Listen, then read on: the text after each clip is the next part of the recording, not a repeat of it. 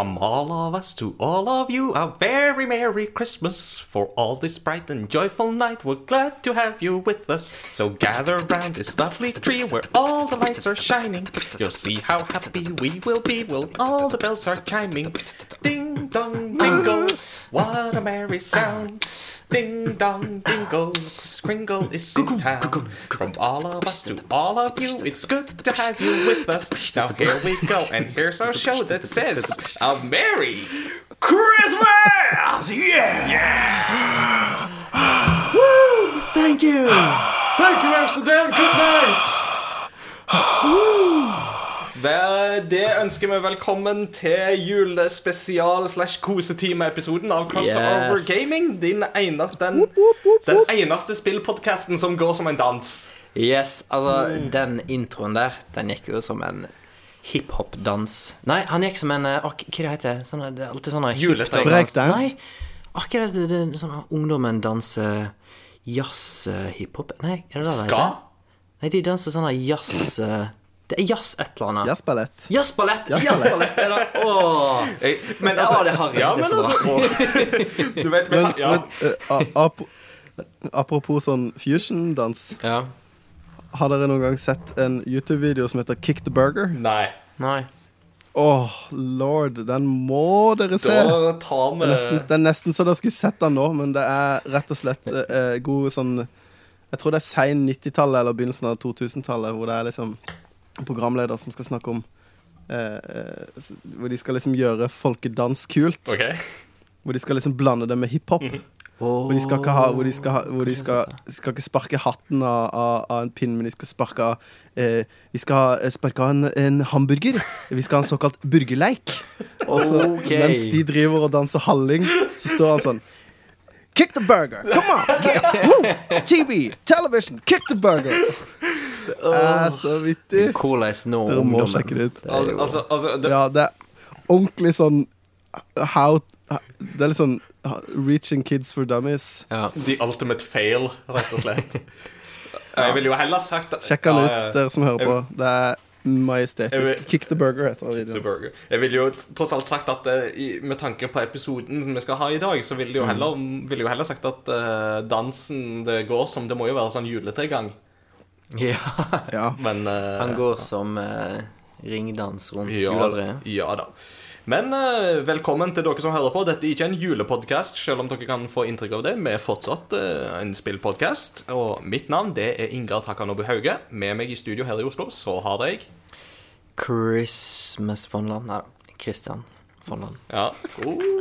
See what I did there? Yes, I see what you did there. Yeah. Og med oss i Kristiansand sitter i sin Batcave Mats Jakob Nesmann. yeah. Ikke i Stavanger, altså, men Kristiansand. Nei, på ingen måte. Det krøller seg alltid når jeg skal si hvor du er fra. Jeg, for, jeg, på en måte, jeg forventer sånne østlendinger, og spesielt av østlandske barn, som ikke har peiling på noen dialekter. Men du er liksom fra det generelle området som de alltid tror at jeg er fra. Men altså, jeg, jeg kan gjemme meg bak da at når vi spiller inn, så er jeg òg tekniker. Så jeg gjør to ting på en gang. Det er sant. Det er, det er der det ligger. Ja, ja. Ja, Nei, det, det er tøft å trykke på Det er tøft å trykke på record. Ja, Har det bud. Nei da, ute så har det faktisk begynt å snø her i Oslo nå, så det passer jo veldig godt å spille litt sånn julespesial. når det begynner å bli kaldt, og mange går inn i sånn type sånn eksamens- og adventsmodus og sånne ting. Men uh, så er det jo òg sånn tradisjon Norsk tradisjon tro, så er det jo alltid en kosetime litt sånn på tampen av uh, av semesteret i skolen på den tida. Eh, Mats Jakob kan sikkert bekrefte det. Eh, Det ja, så det er litt den tonen vi skal ha i dag. Litt lett og ledig tema og litt lett og ledig samtale. Så kommer dette til å gå nettopp, ja, du vet det, som en dans. Like a dance. Like a dance. Nei, så hva har- skjer, Kristian? Christian? Nei, hva skjer? Um, jeg skulle gjerne ha spilt litt mer Warframe siden sist. Ja. Men uh, jeg var så smart at jeg kjøpte eh, Jeg kjøpte Pokémon Let's Go til kona. Og siden har eh, Switchen vært opptatt Og siden har ingen sett den. Nei, altså, hun ble jo plutselig eh, brått sykemeldt fra jobb. Og... Nei da. den. Den følelsen kjenner jeg veldig godt. Jeg er jo kjent for å ta ferie på veldig sånn der strategiske tidspunkt i forhold til spillanseringer. Ja, men altså, eh, sånn som I fjor for eksempel, så tok jeg jo faktisk ei uke fri samme dag der ferien begynte, samme dag som Switch og Breath of the Wild ble lansert. Og så hadde jeg ferie da sånn i ti dagers tid etter. Helt tilfeldig. Helt, nei, det var, det var ikke tilfeldig. Det var helt kalkulert og planlagt. Men det at jeg hadde fri i år samtidig som Red Dead 2 kom ut, det var tilfeldig. Ja. ja. That is true. Hva Du da? skjer i Kristiansand? Nei, jeg, det, jeg har eh, eh, siden fredag Jeg har aldri vært så sjuk i hele mitt liv som jeg var i Wow. helga. Det, jeg trodde jeg skulle dø. OK. Jeg, altså, jeg hadde Skal dere få høre det. Her er litt av ei lefse. Jeg hadde eh, streptokokker i halsen, altså sånn ha, skikkelig episk halsbetennelse. Ja. Eh, eh, hadde 39 feber i fire dager. OK. Eh, og så på toppen av det så fikk jeg omgangssyke. ja. Altså, du må slutte å syte sånn, Mats Jakob. Du må bare manne deg opp. Nei da. Var det. Jeg tuller. Og det var liksom Og så var det helga i tillegg, så vi hadde jo begge kidsa hjemme. Ja. Og så eh, Minstemann kasta opp først, og så Mm. kasta jeg opp, og så kasta kona opp. Oh. Og så sto eh, treåringen og bare 'Pappa, kan vi leke?' Og så ligger jeg der og dirrer kroppsverk og a klarer ikke svelge og er helt grusom. Og så bare Jo da, måtte jeg liksom høre meg opp i sofaen og Uff. Ja, det var Men er du, Det var hard ass. Er du, eh, Men nå, det som sitter igjen nå? er litt sånn nasal stemme og, eh, og hoste. Så hvis det er hoster under sendinga, så må dere bare beklage. du, den nasale stemmen, den fikser vi i post. Jeg kan prøve å varme den opp litt i miksen her. Eventuelt, eventuelt kamuflere det med sånn Det er litt sånn Hører ut som Barry White med en gang. I Believe in miracles. Oi. Det var ikke veldig sånn sexy, sexy Barry White. Og Barry sitter jeg her, da. Nei, Men det er jo jeg sitter og drikker gløgg da for anledninga. Ja, når du har sånn uh, hes stemme, det er jo da du må gå i studio og tracke litt vokal og sånn. Mm. Få den der uh, Ja, Stille Thomas Dybdahl-cover. Eller Ole Paus. O helganatt. Granat. Nei, uh, for min del så går det stort sett de samme gamle. Det er På jobb så kicker det jo alltid litt sånn i gang i desember, for da er studentene i gang med eksamen og sånt, så det er jo alltid sånn såre strev. Men eh, det er liksom sånn alle eksamensdagene går liksom litt sånn Det begynner og slutter ganske hektisk, men så er det jo ganske chill sånn på midten der. Eh, og det som er litt sånn gøy, da, er jo det at jeg sitter jo med en sånn PC-skjerm og skal liksom følge med på at de gjør som de skal, og så har jeg liksom delt den i to, der jeg sitter og så ser på studentene på den ene delen av skjermen, og så sitter jeg og leser på Kindle på den andre delen av skjermen. Så jeg får Desember og mai er måneder der jeg kanskje får lest mest her i verden. Har du eh, noen gang eh, fasiten oppe på Kindle, og så sitter du på den andre skjermen og leser det de skriver, og så humrer du litt for at det er så sjukt langt unna? Det, det, det, det Har du- jeg, jeg, vet ikke om jeg, skal, jeg, jeg vet ikke om jeg skal svare på akkurat det spørsmålet. der, for å si det sånn. Men, eh, men altså det, Jeg vet jo alle oppgaver Jeg kjenner jo alle oppgavene de skriver, men det er jo mer sånn Nå er det jo stort sett sånn innenfor teologifeltet de skriver eksamen, og da er det jo ikke sånn nødvendigvis sånn to pluss to er fire fasitsvar og sånne ting nødvendigvis. Det er mer sånn én pluss én pluss én er én, og den er liksom litt sånn hy.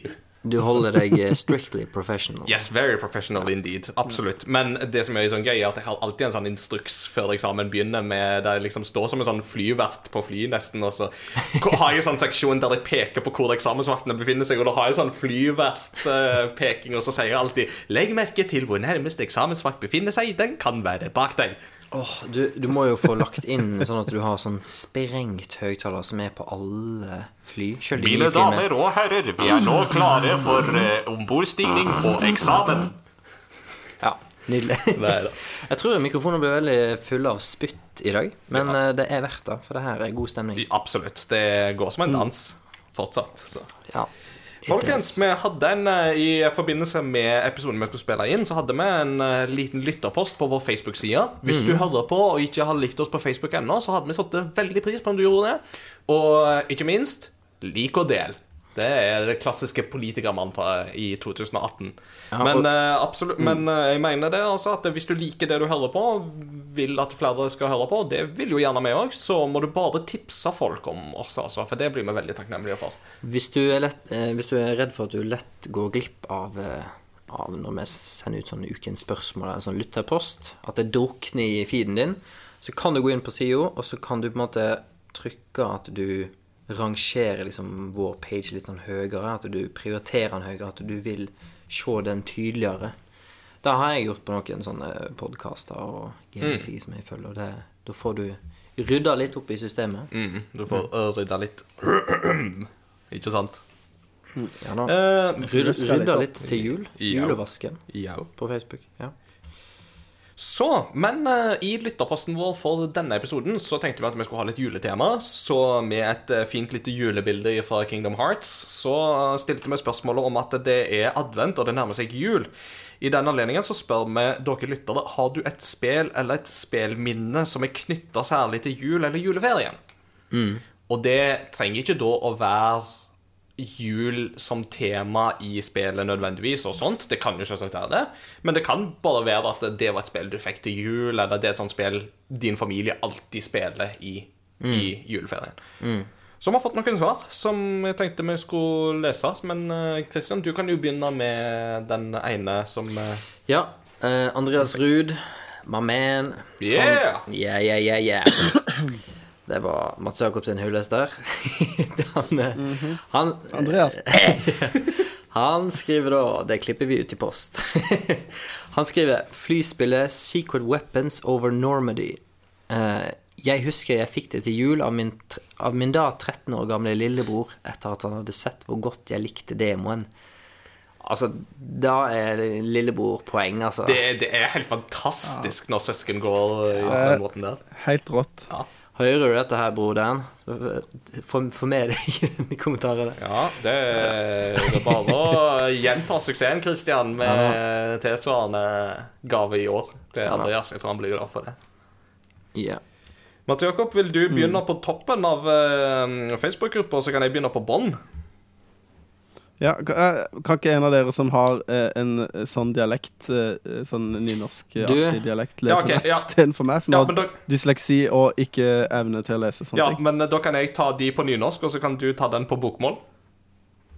Jeg kan ta midten her. Den var kort og fin. Sånn fin dyslekt, dysleksivennlig kommentar. Ja, kommentar. ja, ja. Eh, Helge skriver at hans eh, minne det er Treasure Math Storm. Oh yeah. Fikk jeg av mor en eller annen gang på barneskolen en kombinasjon av matteoppgave, nisser, snøballer og presanger. Yes. Det høres litt sånn småpsykedelisk ut. Det var veldig psykedelisk. Jeg, jeg spilte det sammen med Helge. Oh. Og uh, jeg hadde helt glemt det spillet helt til han skrev den uh, kommentaren der. Så fikk jeg en sånn nostalgisk bølge av uh, uforståelig mattegjetting.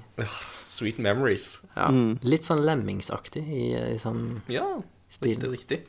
Kult. Nei, ja. Jeg liker at han har liksom Jeg, jeg tror på en måte ikke det fins et svar som passer mer til dette her. Hvis han fikk det til jul, Ja. så er det litt sånn ah, Jeg fikk et eh, spill til jul som var liksom bare nisser og snøballer og pakker. og alt. Ikke sant? Lurt inn i litt Ja, matematikk. eh, ja. Åsmund eh, skriver. Det er vel din eh, den sagnomsuste Ja Åsmund Ja eh, The Ja. legend himself. fra Nordheimsund. Eh, eh, juleverden i Banjo Kazooie. han Oh, yeah.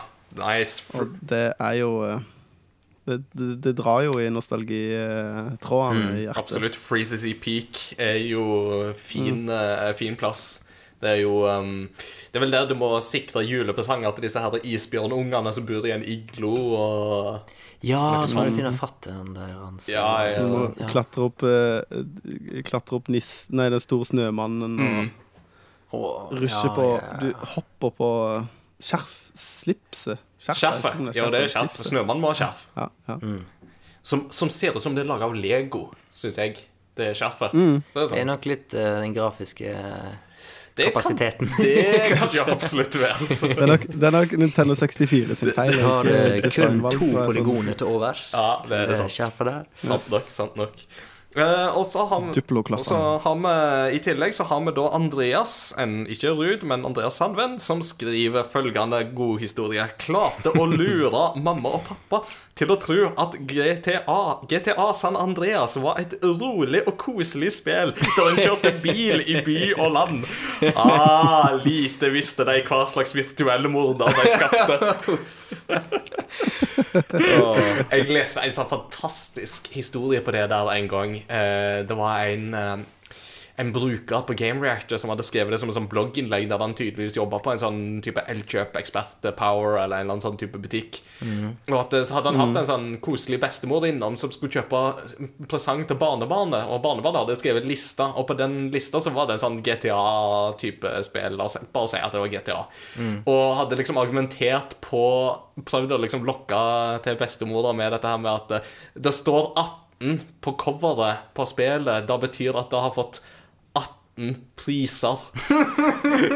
så typisk sånn- ja, ja, ja, så det var liksom antallet priser det spillet hadde fått, og at det var liksom så bra og så oh. sagnomsust og bra, liksom, så da må du kjøpe bestemor. Og det var veldig tydelig at den kiden var altfor ung til å kjøpe GTA. Så han her hadde jo da klart å liksom heller overtale bestemora til å kjøpe noe sånn Hello Kitty eller sånn My Little Pony-spill i stedet, som eh, det er jo altså, For meg så er det der Det er sånn heltestatus når du klarer å gjøre sånne ting. Det er sånn det, Battle Ja, det er is veldig one. Ja, ja, ja, men det er sånn der uh, å, I outsmarted så- my altså, opponent. å, så, du skal, så du skal lure snille bestemor di? Ja, OK, la oss Mm. vri litt på den. Jeg må jo bare si Norheimsen represent. Altså, tre av fire kommentarer her er fra Norheimsen. Og Så, en eh. Det er bra jobba, Ja, folkens. det er en fin plass, og ja, ingenting å si på det. Skal vi se om ikke Askøy og sånn kan etter hvert eh, bli liksom bedre representert. Stavanger, tenker du på? Ja, nei, ja, jeg kunne jo Stavanger òg, for så vidt. Kristiansand. Kristiansand.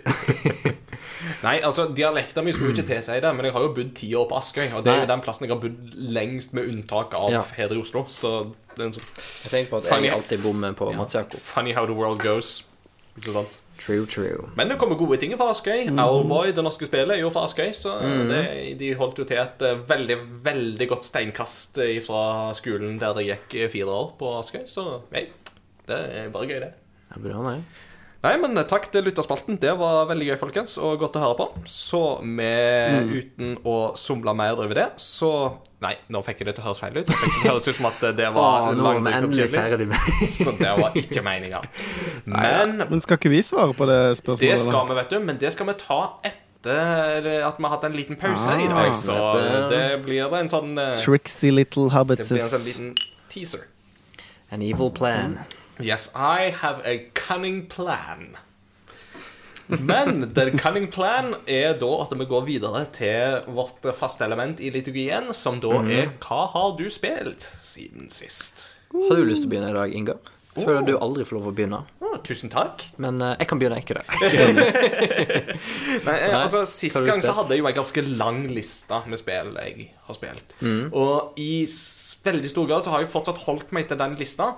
Men det var jo ett spill jeg ikke kunne snakke så veldig mye om sist. Uh, men det kan jeg snakke om nå, for der er anmeldelsen ute. Og det er Persona 5 Dancing in Starlight. Yeah. Dancing in the starlight. everybody Everybody's stealing. uh, Så altså Kort fortalt så er jo Persona 5 er jo det japanske rollespillet som kom i fjor, og som jeg forelska meg helt i, og som jeg Jeg vil anbefale absolutt alle som har den PlayStation 4, å sjekke det ut. Altså Liker du spill med god story og fantastisk musikk og bare, Kule menyer. Og, og kule menyer og interface. Altså, jeg har sjelden spilt et spill som bare er så cool. Altså Ja. Som bare er så hipt og kult og tøft Ja. som Persona 5. Eh, Men musikken der er jo helt fantastisk.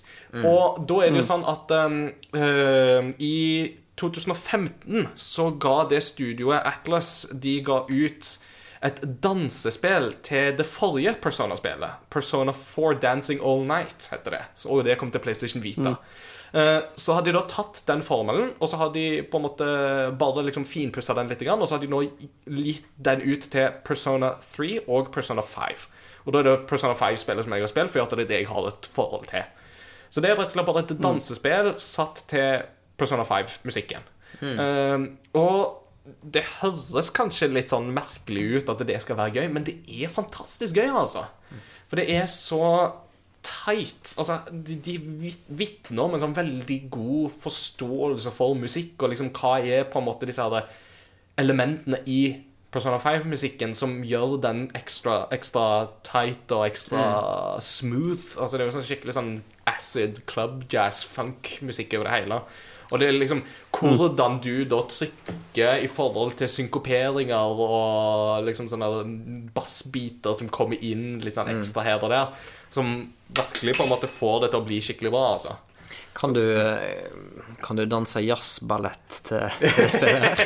Det er ikke så mye jazzballett, det er det ikke. Men det, er, det som er litt sånn kult, er det at eh, de, det er ikke så mye story i Persona 5 Dancing in Starlight. Altså, Nei. Storyen er bare at alle rollefigurene havner tilbake i dette her um, liksom metaverset, eller liksom, liksom den andre sida, der de får beskjed om disse fangevokterne som du møter i Persona 5, om at eh, ja, vi har et oppdrag til dere, dere skal danse. Eh, For nå har vi en konkurranse med søstera vår eh, om hvem som kan danse best. Så dere skal fyre opp stemninga og danse. Det er liksom storyen. og så er det sånne smådialoger underveis som heter sånne social events. Um, Og da får du liksom vite litt mer om de enkelte rollefigurene, så det er jo litt sånn koselig. Eh, og da får du vite f.eks. eksempel at ei av eh, disse rollefigurene, Haru, eh, Haru hun er jo sånn rikmannsdatter, så hun dansa ballett da hun var ung. Og da er det veldig naturlig at da inkorporerer hun det i dansinga til denne Persona 5-musikken. For det er jo sånn at når du spiller av en låt, så er det alltid en eller flere av rollefigurene som danser i bakgrunnen. Mm. og veldig sånne kule danseanimasjoner. Og da ser du at uh, Haru sin dans er veldig inkorporert rundt veldig sånn klassisk ballettdans og den slags type ting. Eh, mens uh, sånn som um, Anne, som jo er modell, eh, eller har sånn bijobb som modell, hun har mer sånn type sånne fashion, eh, fashion poses og sånne ting som på en måte inkorporerer i dansen sin. Uh, og kanskje kuleste, det er jo Makoto. Min uh, my waifu i uh, Persona 5, by the way. uh, men altså, det som er kult med henne, er jo at hun driver med kampsport. Hun driver med aikido, kampsporten, og da klarer hun liksom å inkorporere kampsportbevegelser som en del av dansen. Ja. Og det er veldig kult å se på, og da er det veldig sånn Altså, detaljnivået vitner om en sånn veldig kul forståelse hos Atlas om at dette med musikk og dans, det er ikke bare holdt på å si, noe sånn fasadeting. Altså, det er personlighet over det, ikke sant? Mm. Så det mm, er en av de tingene som jeg har spilt siden sist, som jeg ikke snakket så masse om i forrige episode. Så Fett. ja. Jeg har òg spilt litt mer uh, Battlefield 5. Uh, har jeg òg spilt litt. Ja. Um, ikke så mye multiplayer. Jeg har prøvd det litt. Det er fortsatt Battlefield. Um, så det er gøy nok. Uh, men jeg kommer nok til å gå tilbake til Battlefront 2, altså Star Wars, på, på et tidspunkt i stedet, fordi at det har på en måte litt mer det jeg syns er på en måte det gøye med settinga og sånt, liksom. Så. Uh, men uh, singleplayer-delen i Battlefield 5 er litt gøy å spille. Fordi at um, det de har gjort der, er at de prøver å fokusere litt mer på de ufortalte eller de mindre kjente historiene fra andre verdenskrig. For i Battlefield 5 så går vi tilbake til andre verdenskrig. Og da fokuserer de på litt mindre kjente historier. Så du har for eksempel da eh, For oss nordmenn så er det jo det gøyeste av de. Det er jo det kapitlet som heter Nordlys. Der eh, man rett og slett spiller en eh, Man spiller en slags forhistorie til tungtvannsaksjonen på Rjukan. Ja. Så Det er veldig veldig gøy, for da er det rett og slett at du spiller en norsk motstandssoldat som infiltrerer Rjukan for å eh, redde en, en annen. Um, og at dere da underveis finner papirene som da etter hvert på en måte blir viktige for at man planlegger tungtransaksjonen på Rjukan. Så du kan si at det, Selve den historien og selve på en måte de rollefigurene du møter, er jo fiktive, men settinga rundt og motstandsbevegelsen og liksom opplegget rundt er jo ekte. Og jeg syns jo at det er en veldig sånn kul måte å, fortelle, å fortelle eh, krigshis norsk krigshistorie på. Og det som er ekstra gøy, er jo det at eh, de bruker norske skuespillere. Ja, da, Det er veldig gøy. Altså, Hun ene snakker jo omtrentlig litt sånn Nordheim, Sunds, Ja, ja, Voss det er jo eh. Altså, eh, altså et eller annet sted liksom Jeg klarer ikke helt å plassere dialekt, om det liksom er mer i Sogn, eller om det er litt mer sånn Voss Det, det er hun som, eh, for eh, lyttere, det er hun som spiller i uh, Hodejegerne. Ja. Det er hun som spiller kona til Aksel Hennie. Ja. Ja. Og nå kjenner jo ikke jeg henne sånn i utgangspunktet, så da er det jo vanskelig for meg å si hvor hun er fra og sånt. Ja, men det, det er en veldig kjent skuespiller. Ja. fall, så Og det som er så gøy, er jo det at de snakker jo Karavnorsk, ikke sant? Og det er så kult å høre på. At dette er i et kjempestort spill anno 2018 som vil bli spilt av folk over hele verden, over mange millioner, altså av mange millioner spillere. Uh, så det og, og, så, og så er det jo en tysk offiser inni dette her også, som snakker litt sånn gebrokken Eller litt sånn, Han snakker grei norsk, men du hører på dialekten likevel at han, han er ikke nordmann. Og da er det jo en tysk skuespiller som er, er stemmeskuespilleren for han. da Og det, Jeg syns rett og slett at det er kjempestilig at de har fått det til. Synnøve Ja, det er Makodi. Lund heter hun. Ja. Synnøve Lund. Ja. Så det er sikkert flere som vet hvem hun er. Men det er veldig kult, da. At det for, det som, Jeg vet ikke om det er typisk i spill, for det er jo ikke så mange spill som har hatt en norsk setting, men i filmer så er det sånn her eh, Hvis de sier at de er norske, så hører du at de snakker islandsk eller Hei, finsk. Trondheim, kom her. Det er noe der jeg vil fortelle deg. Det er noe jeg vil Det er, fortelle det. det er jo, det er jo faen X-Files for øvrig. Så er det jo en sånn Ja. sekvens der du har to i hermetegn nordmenn som snakker sammen, der den ene nordmannen heter Trondheim. okay, okay, okay, My name is Los Angeles. Nei, ja, ja, så det sånn Hei, Trondheim, kom bare her. Det er noe jeg vil fortelle deg. Og så svarer, og så svarer Trondheim Det er ikke noe du kan fortelle meg som jeg allerede vet. Er du så sikker? Hvorfor marser du sånn på meg, Bergen? Hvorfor gjør du det? Så det, det, det er noen vesentlige hakk over, over X-Files anno 90-tallet, dette her. Altså, det, er, det er kjempegod kvalitet, og det er så gøy å se en så viktig aksjon som tungtvannsaksjonen på Rjukan eh, få litt mer internasjonal oppmerksomhet. Det var, NRK hadde jo en sånn interessant piece på det der, der de skrev med at eh, kongens nei ble sett av 600 000 folk, eller Max Manus. En av de ble liksom sett av 640 000 folk. Eh, kinogjengere. Mest nordmenn, da. ikke sant? Og nordmenn kjenner jo den historien allerede. Battlefield 5 vil bli spilt av ganske mange millioner spillere verden over. Um, Der så, så nei, altså Det er veldig stilig, så jeg kan anbefale det sånn sett. Om, om det liksom er verdt 600 kroner, det er jo en helt annen sak. Det kommer an på hvor glad du er i multiplayer i Battlefield. Um, men er du det, så tenker jeg at det er definitivt verdt å sjekke ut. Og i alle fall sjekke det ut når det kommer ut på tilbud. Bare sånn for singleplayerens del, altså. For det er absolutt gøy. Cool. Så det tror jeg er egentlig det jeg har på en måte å fortelle om, som jeg ikke har snakka masse om før. Mm. Det må jo sies, når vi tar opp denne episoden, så har jo ikke Super Smash Bros. kommet ut ennå. Så Nei, altså Da kan vi jo si at super, Når vi tar opp den Kommer ut i morgen. Ja, Ja, altså, kommer den ut i kommer ut i natt. Eller 0001. ja. Eh, og en annen ting som skjer i natt, mens vi er inne på i natt, er jo en Game Awards. Yes, Video Game Awards. Mm.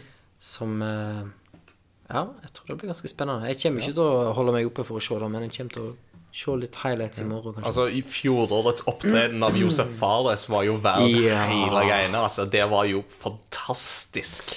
F the Oscars. F the Oscars, man. This is what it's all about. Uh, det som er jo litt sånn trist, er jo at de har jo nå mm, Altså han De har jo Altså det studioet, Star, Star Breeze, har vel filed for reconstruction, som det heter.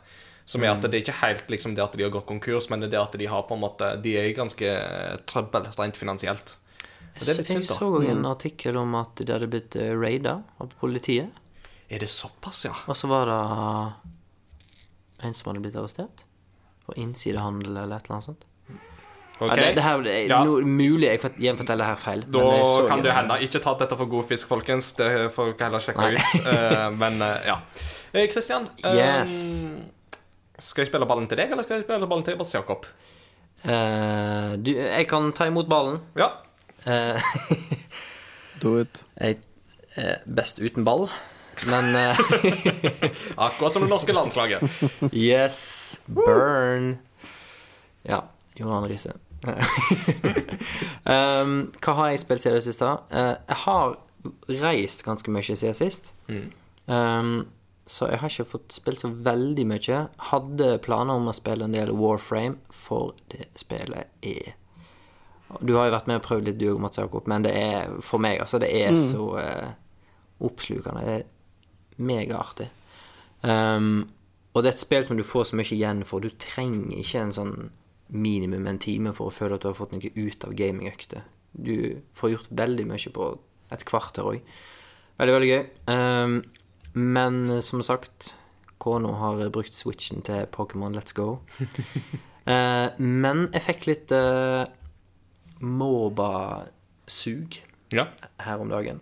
Så da tok jeg og Åsmund, fastlytter, en eh, match ikke i Dota og ikke i League of Legends, men i Um, Heroes of the Storm. Yes. Yeah, hot.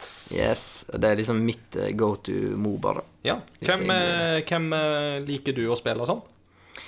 Uh, jeg er fortsatt på det stadiet at jeg uh, prøver ut veldig mange karakterer som jeg ikke har spilt så mye. Eh, men det er vel Thrall jeg har spilt mest. Thrall er versus Uther! Det er han jeg har eh, i høyest level, eh, da, for du leveler jo karakterene òg. Eh, men når jeg spilte sist nå Nå må jeg tenke meg litt om. Da var jeg i Malfurion, var jeg. Ja. Yes. Uh, og f kort uh, fortalt uh, det, det er litt ulikt Dota og League of Legends. Eh, du, Mats Jakob, har vært med og spilt Heroes of the Storm. Jeg og du og Martin. På denne, Ja. Eh, og det som skiller det litt ifra LOL og Dota, er f.eks. du har ingen item management. Nei. Så du stikker ikke tilbake til basen og kjøper deg items. Mm. I tillegg så er eh, Du går opp i level og for å unlocke nye skills, men eh, laget ditt har samme levelen hele tida. Mm. Så eh, og, og, da tjener du veldig mye bedre på at alle tjener på at du gjør det bedre. Da mer enn bare i et strategisk eh, lite øyeblikk på mappen, men sånn generelt, gjennomsnittlig i matchen, så drar det alt opp, da. Eh, og så er det veldig mange forskjellige baner, og hver bane har sin egen sånn event. Mm. Eh, for eksempel så kan du ha en event på én bane som er at hvis et lag på et visst tidspunkt eh, kontrollerer tre eh, sånne utkikkspunkt, så aktiveres det en statue. Og hvis da en på ditt lag klarer å komme seg bort til en statue når det har utkikkspunktene, så kan han liksom gå inn i en sånn dragestatue, så blir han en sånn dragon champion-greie. Ja. Eh, og, og du har veldig mange sånne ting per bane som kan liksom snu matchen, da. Eh, veldig, veldig artig. Veldig kjekt. Um, har ikke nok tid til å bli dødsgod i den. det har jeg ikke. Jeg har vel kanskje en sånn 200 matcher til nå, kanskje. Ja. Um, et annet spill som jeg spilte litt samme kvelden, er ikke Diablo 1, ikke Diablo 3, men Diablo DOS. DOS. Diablo 2. Jeg tenkte at du skulle sette deg ned med Diablo Immortal. Ja. ja, må vi beta-kode. Ja, det var det, da. Hei, Blizzard, hvis dere hører på. Ja. eh, Christian her vil ha betakode til Diablo Immortal. Trondheim her vil ha beta-kode. Hei, Blizzard, kom her. Det er noe vi vil fortelle dere. Uh, for ja, hvor lenge er det siden? Det er noen år siden. Uh, så ga Blizzard ut en sånn her patch-release som gjorde at uh, Diablo 2 og Diablo 2 Lord of Destruction, som er expansion-packen, uh, funker på moderne operativsystem, både på Mac og Windows. Eh, Og jeg spilte masse Diablo 2 eh, med Helge, søskenbarn, eh, i eh, barndommen. Eh, og det var dritvanskelig. Mm. Eh, men vanvittig kjekt og veldig utfordrende og storkoste oss. Men eh, det jeg har merka nå, er at samtidig som de har patcha det for å funke på moderne hardware, så har de patcha det lettere. Veldig kort sagt, du, når du går opp i level, så, du, så må du liksom fylle inn eh, skill points i skill 3. Men du har tre forskjellige skill 3. Og det som de har patcha inn nå, da, i nyere tid, er at eh, Setter du en skill inn i en skill-slott eh, i starten av skill-treet, så greiner det seg som positivt ut i neste skill, på en måte, da. Så alt påvirker hverandre. Sånn at når du når du da er i level 30 og lærer en ny skill, så er den allerede dri veldig veldig bra for det at du har så utrolig mange skill points i samme skill-tre. Bla, bla, bla, bla. Det er blitt mye lettere, da. Så det, Ja. det, det var ikke det samme å gå tilbake til nå. Og det er ikke den der nostalgieffekten at jeg husker at det var så kjekt. For at jeg har gått tilbake til spillet her med flere års mellomrom før og storkost meg. Men den, nå er det litt sånn Ja, føles litt sånn Jeg har lyst til å gå tilbake til en tidligere patch, da. Ja. Ja. Det, det sies jo det at um, i den forbindelse så skal jo um, nå snart um, uh, Below slippes, som er et sånt Ja. indie-spill som jo lover veldig høy vanskelighetsgrad og er en sånn rogelike-sak. Så det kan jo hende at det er tingen, tingen for deg. Det, Ja, kanskje da. Ja. Jeg så en eh, trailer for Below senest i dag. Ja, for det, plutselig så er det snakk om at nå skal du visst kanskje lanseres snart. Så ja. Ja, det blir spennende. spennende. Vi setter over til deg, Mats Jakob, tror jeg. Og så mm, kan jo du fortelle litt hva du har spilt siden sist. Ja. Jeg har ikke spilt så mye. Vanligvis når jeg er syk, så har jeg masse tid til å spille, men eh, jeg var så syk at jeg ikke orka å spille. Åh, det er fælt, altså. Så, Get out of here, boy. ja, så, så syk Ja. var jeg at jeg var hjemme fra jobb. Du er da jeg gale. ikke spille. Ja. Det er det ikke bra. Uh, nei, så jeg, jeg, men jeg har spilt litt uh, jeg, sp- Siden sist Jeg har ikke vært syk helt siden sist. det var det godt. Men uh, eh, nå er det en uke siden jeg ble syk, så det er sånn Men før jeg ble eh, syk, så spilte jeg jo mer eh, Pokémon. Eh, kose meg med det, men jeg, tar meg, jeg, jeg vil kose meg litt med det. Jeg har ikke liksom lyst til å bare bæse gjennom og eh, komme til Elite Four. Jeg vet at det er litt mer eh, innhold etter Elite Four enn det var i den originale versjonen. Mm. Det er litt ting som får deg til å få lyst til å spille videre. På en måte Annet enn bare å levele opp Pokémonene Mm. dine. Litt som det var i de seinere spillene, spesielt Ruby og Sapphire, var det jo mye sånn Sånn ekstra, det var sånn ekstra øy der hvor du kunne på en måte være sånn masse sånn kjempevanskelige challenger. Riktig. Eh, men i går så satt jeg eh, Vi skal få familie til jul, og da var jeg nødt til å omorganisere litt i Batcaven min. Eh, og da når jeg først hadde gjort det, så fikk jeg så lyst til å spille litt. Som man gjør når man har kobla ned og opp to TV-er og eh, 20 konsoller. Like you do. Eh, like one does. Eh, eh, as one does, blir det vel. Men eh, Så da eh, kom jeg på at jeg hadde et par Super Nintendo-spill jeg hadde kjøpt som ikke jeg hadde testa. Ja. Eh, så det første spillet jeg testa, det heter så mye som det heter eh, Jim Power, uh, The Lost Dimension in 3D. Jim Power. Uh, og det er et eh, meget eh, artig spill. Men eh, eh, det største klagen det spillet her har mot seg, er at eh, eh, bakgrunnene de scroller, men de scroller som en sylinder. Oi. Og så scroller de Og så scroller hele Ja. bakgrunnen seg som en sylinder, og scroller bare når du beveger deg. Mm. Og så scroller han sånn eh, Sånn som hvis du tenker deg sånn level eh, Typ sånn eh, Ja, 16-bit-spill hvor du er level hvor du går liksom opp en, en, et tårn, for eksempel. Så hopper du opp en sylinder, og så vrir det tårnet seg. Mm. Skjønner du åssen type animasjon jeg mener? Ja. Ja. Det er sånn bare Det er bakgrunnen. Åh. Så poenget er at det er veldig mange som blir bilsyke av å spille det Ja, det spillet. sånn, sånn tidlig primitiv 3D-forsøk på liksom å leke Ja, seg jo med 3D og sånt. Ja.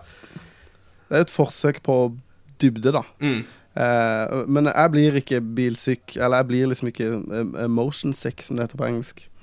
Eh, så fint. Eh, men eh, Ja.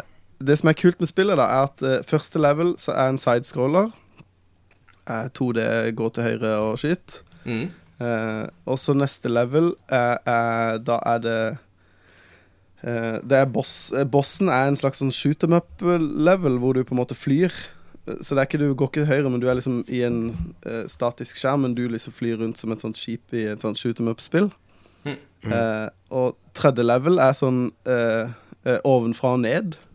Hvor du på en måte be styrer høyre og venstre for karakteren din med skulderknappene på Super Nintendo-kontrollen. Oh.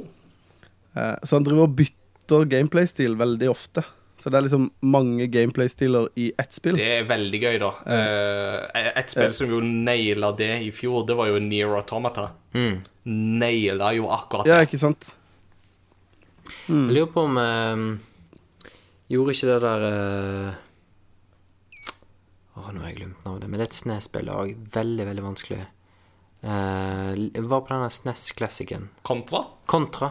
Ja. Har jo det i sånn eh, bane to, Ja. så er det plutselig ovenfra og ned. Ja, så er det sånn ovenfra og ned. Det er akkurat samme som på det spillet her. Ja. Samme type liksom ovenfra og ned.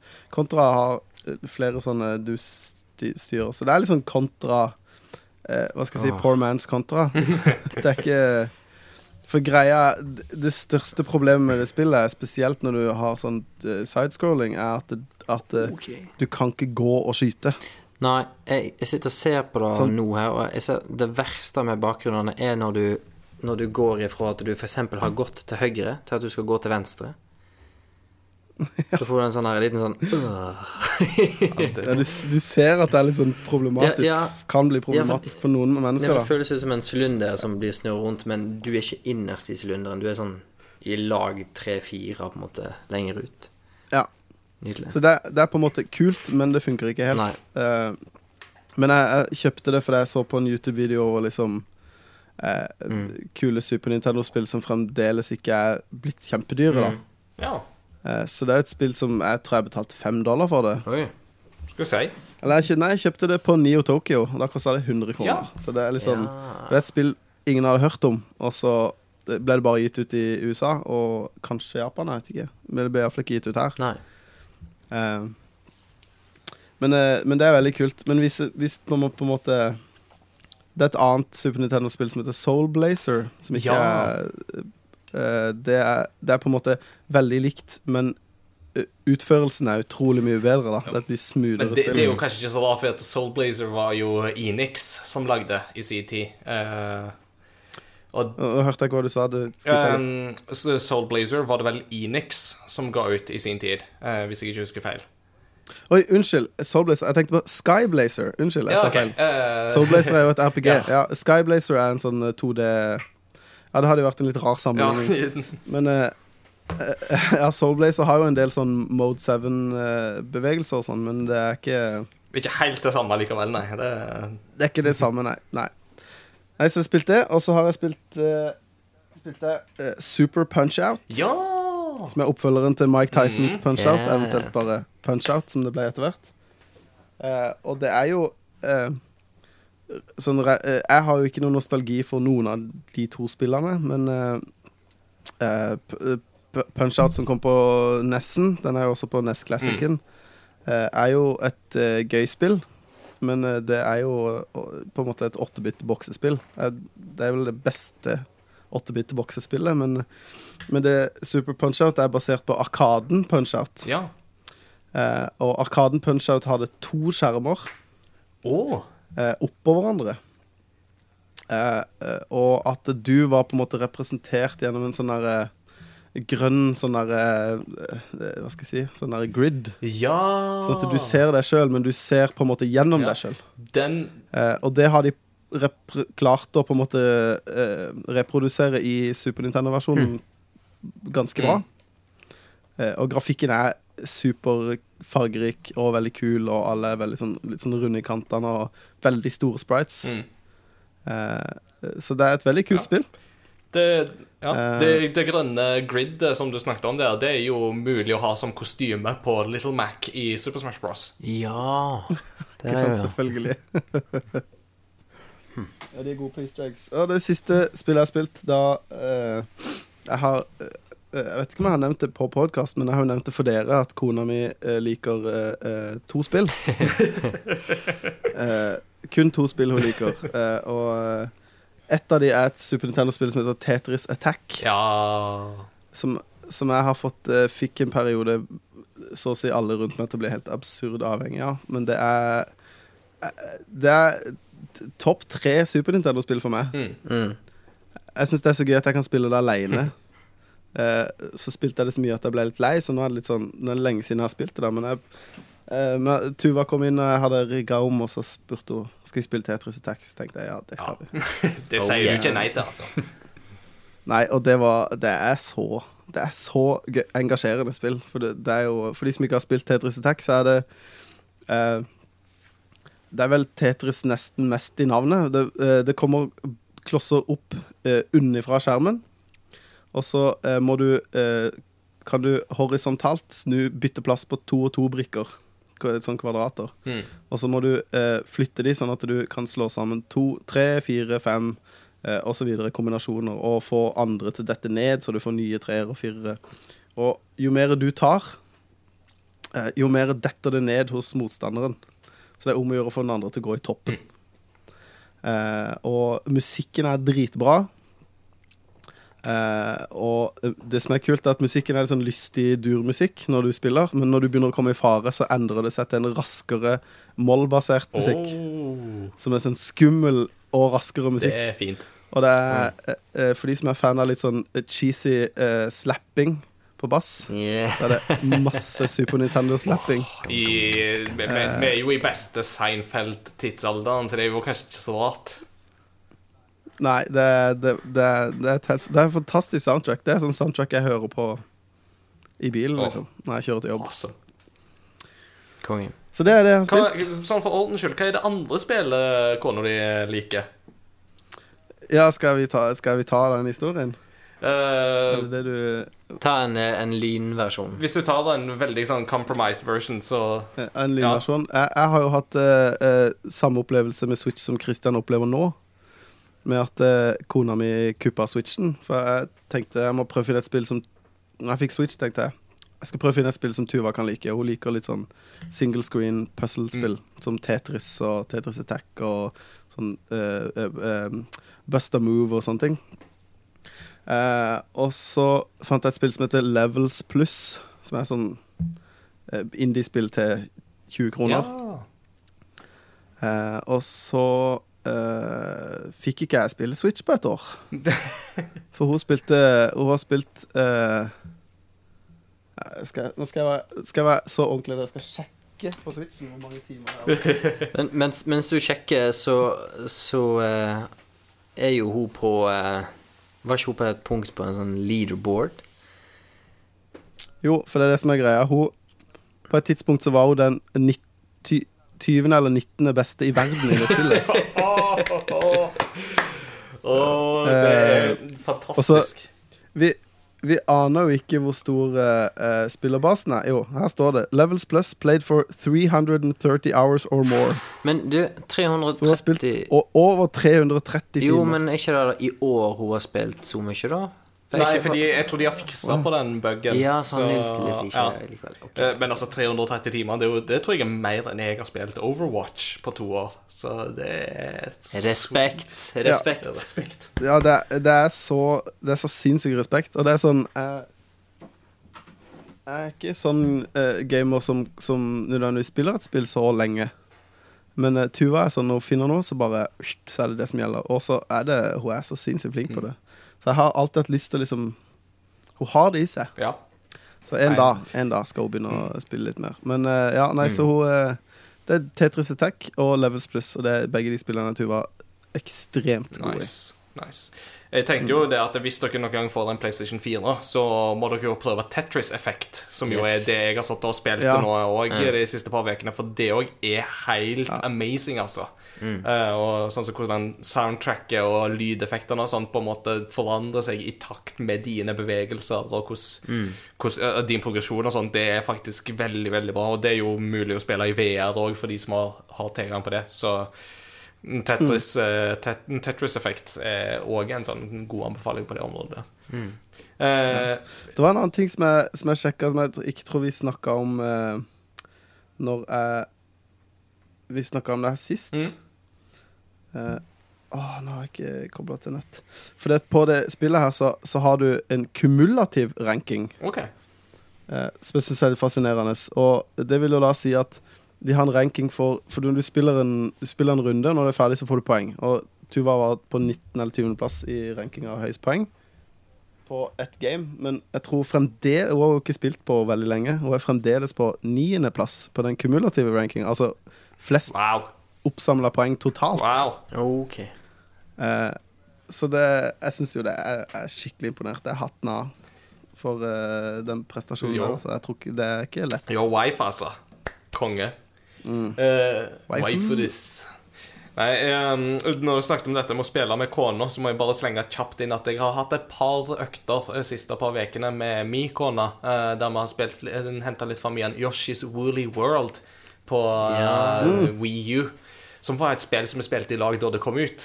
Eh, forskjellen ved å spille det med henne nå, er at nå har hun spilt fryktelig masse Horizon Zero Dawn og Final Fantasy 14 og Overwatch i mellomtida. Så hun har litt bedre kontrollfølelse på moderne På, på, på nyere spill. Eh, så, så, så det er jo mye mer smooth å spille det med henne nå. Til, med, altså Du kan si det sånn at når hun nå kontrollerer sin Yoshi og spiser min Yoshi, så vet du at det er fordi hun vil det, og hun gjør det på pur. Og det er ikke by accident. Men uh, Yoshi's Woolly World, det er sånn, holdt jeg på å si, digital, digital lykkepille. Rett og slett. For det er jo så søtt å se på. Det er liksom, alt er lagd av garnnøster og filt og ja, det, det ser jo bare ut som et sånn gigantisk håndarbeidsverk, så det er så sjarmerende og søtt. Altså. Og musikken der òg er jo Ja, det er nydelig, fint. så det er veldig gøy. Jeg spilte det med eldste sønnen min, som er tre, når han var Ja. to. For da er det sånn Hvis, hvis jeg hadde eh, Hvis jeg var på en måte énplayeren, så, er- eller det er jo, så er det en som styrer, på en måte. Da er det den de følger. Stemmer det. Eh, sånn at da, da kunne vi han spille, og så kunne han liksom hoppe på stedet hvil og mens jeg gikk, og så plutselig så var han borte hos meg, og så følte han allikevel at han var med. da Mm. Ikke sant?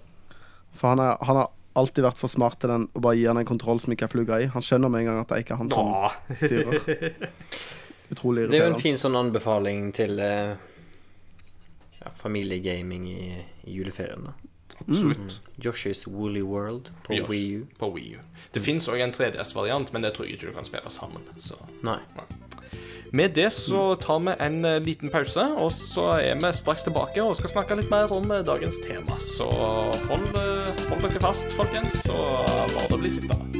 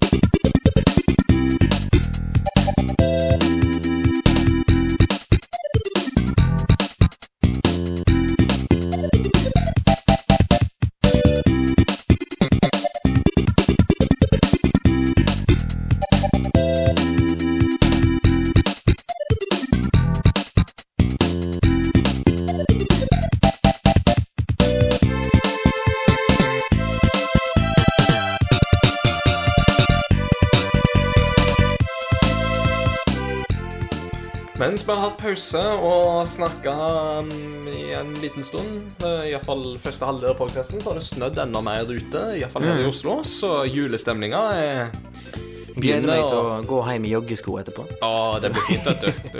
Fine, blaute joggesko er Det ingenting som sier desember som fine, blaute joggesko.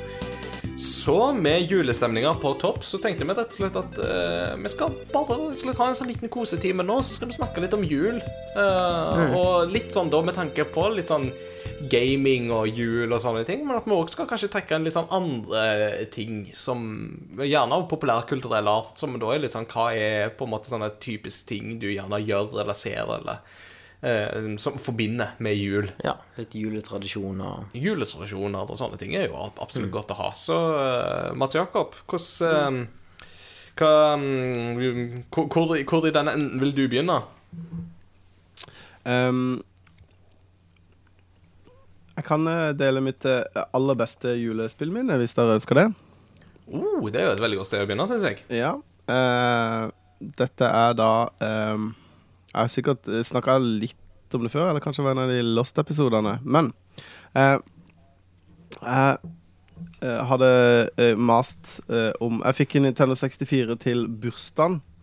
Eh, Ja. eh, litt forsinka eh, i 90 Kan det ha vært da? 90 Det må ha vært i 99. Mm. Um, fikk en Nintendo 64 istedenfor å ha bursdagsselskap når vi hadde flytta og sånne ting. Og sånne ting så, så ble det sånn Vil du ha bursdagsselskap, eller vil du ha Nintendo 64 i dag? Så det er sånn eh, Jeg, vet, jeg, ja, jeg, vet, jeg vet hva jeg ville svart, for å si det sånn.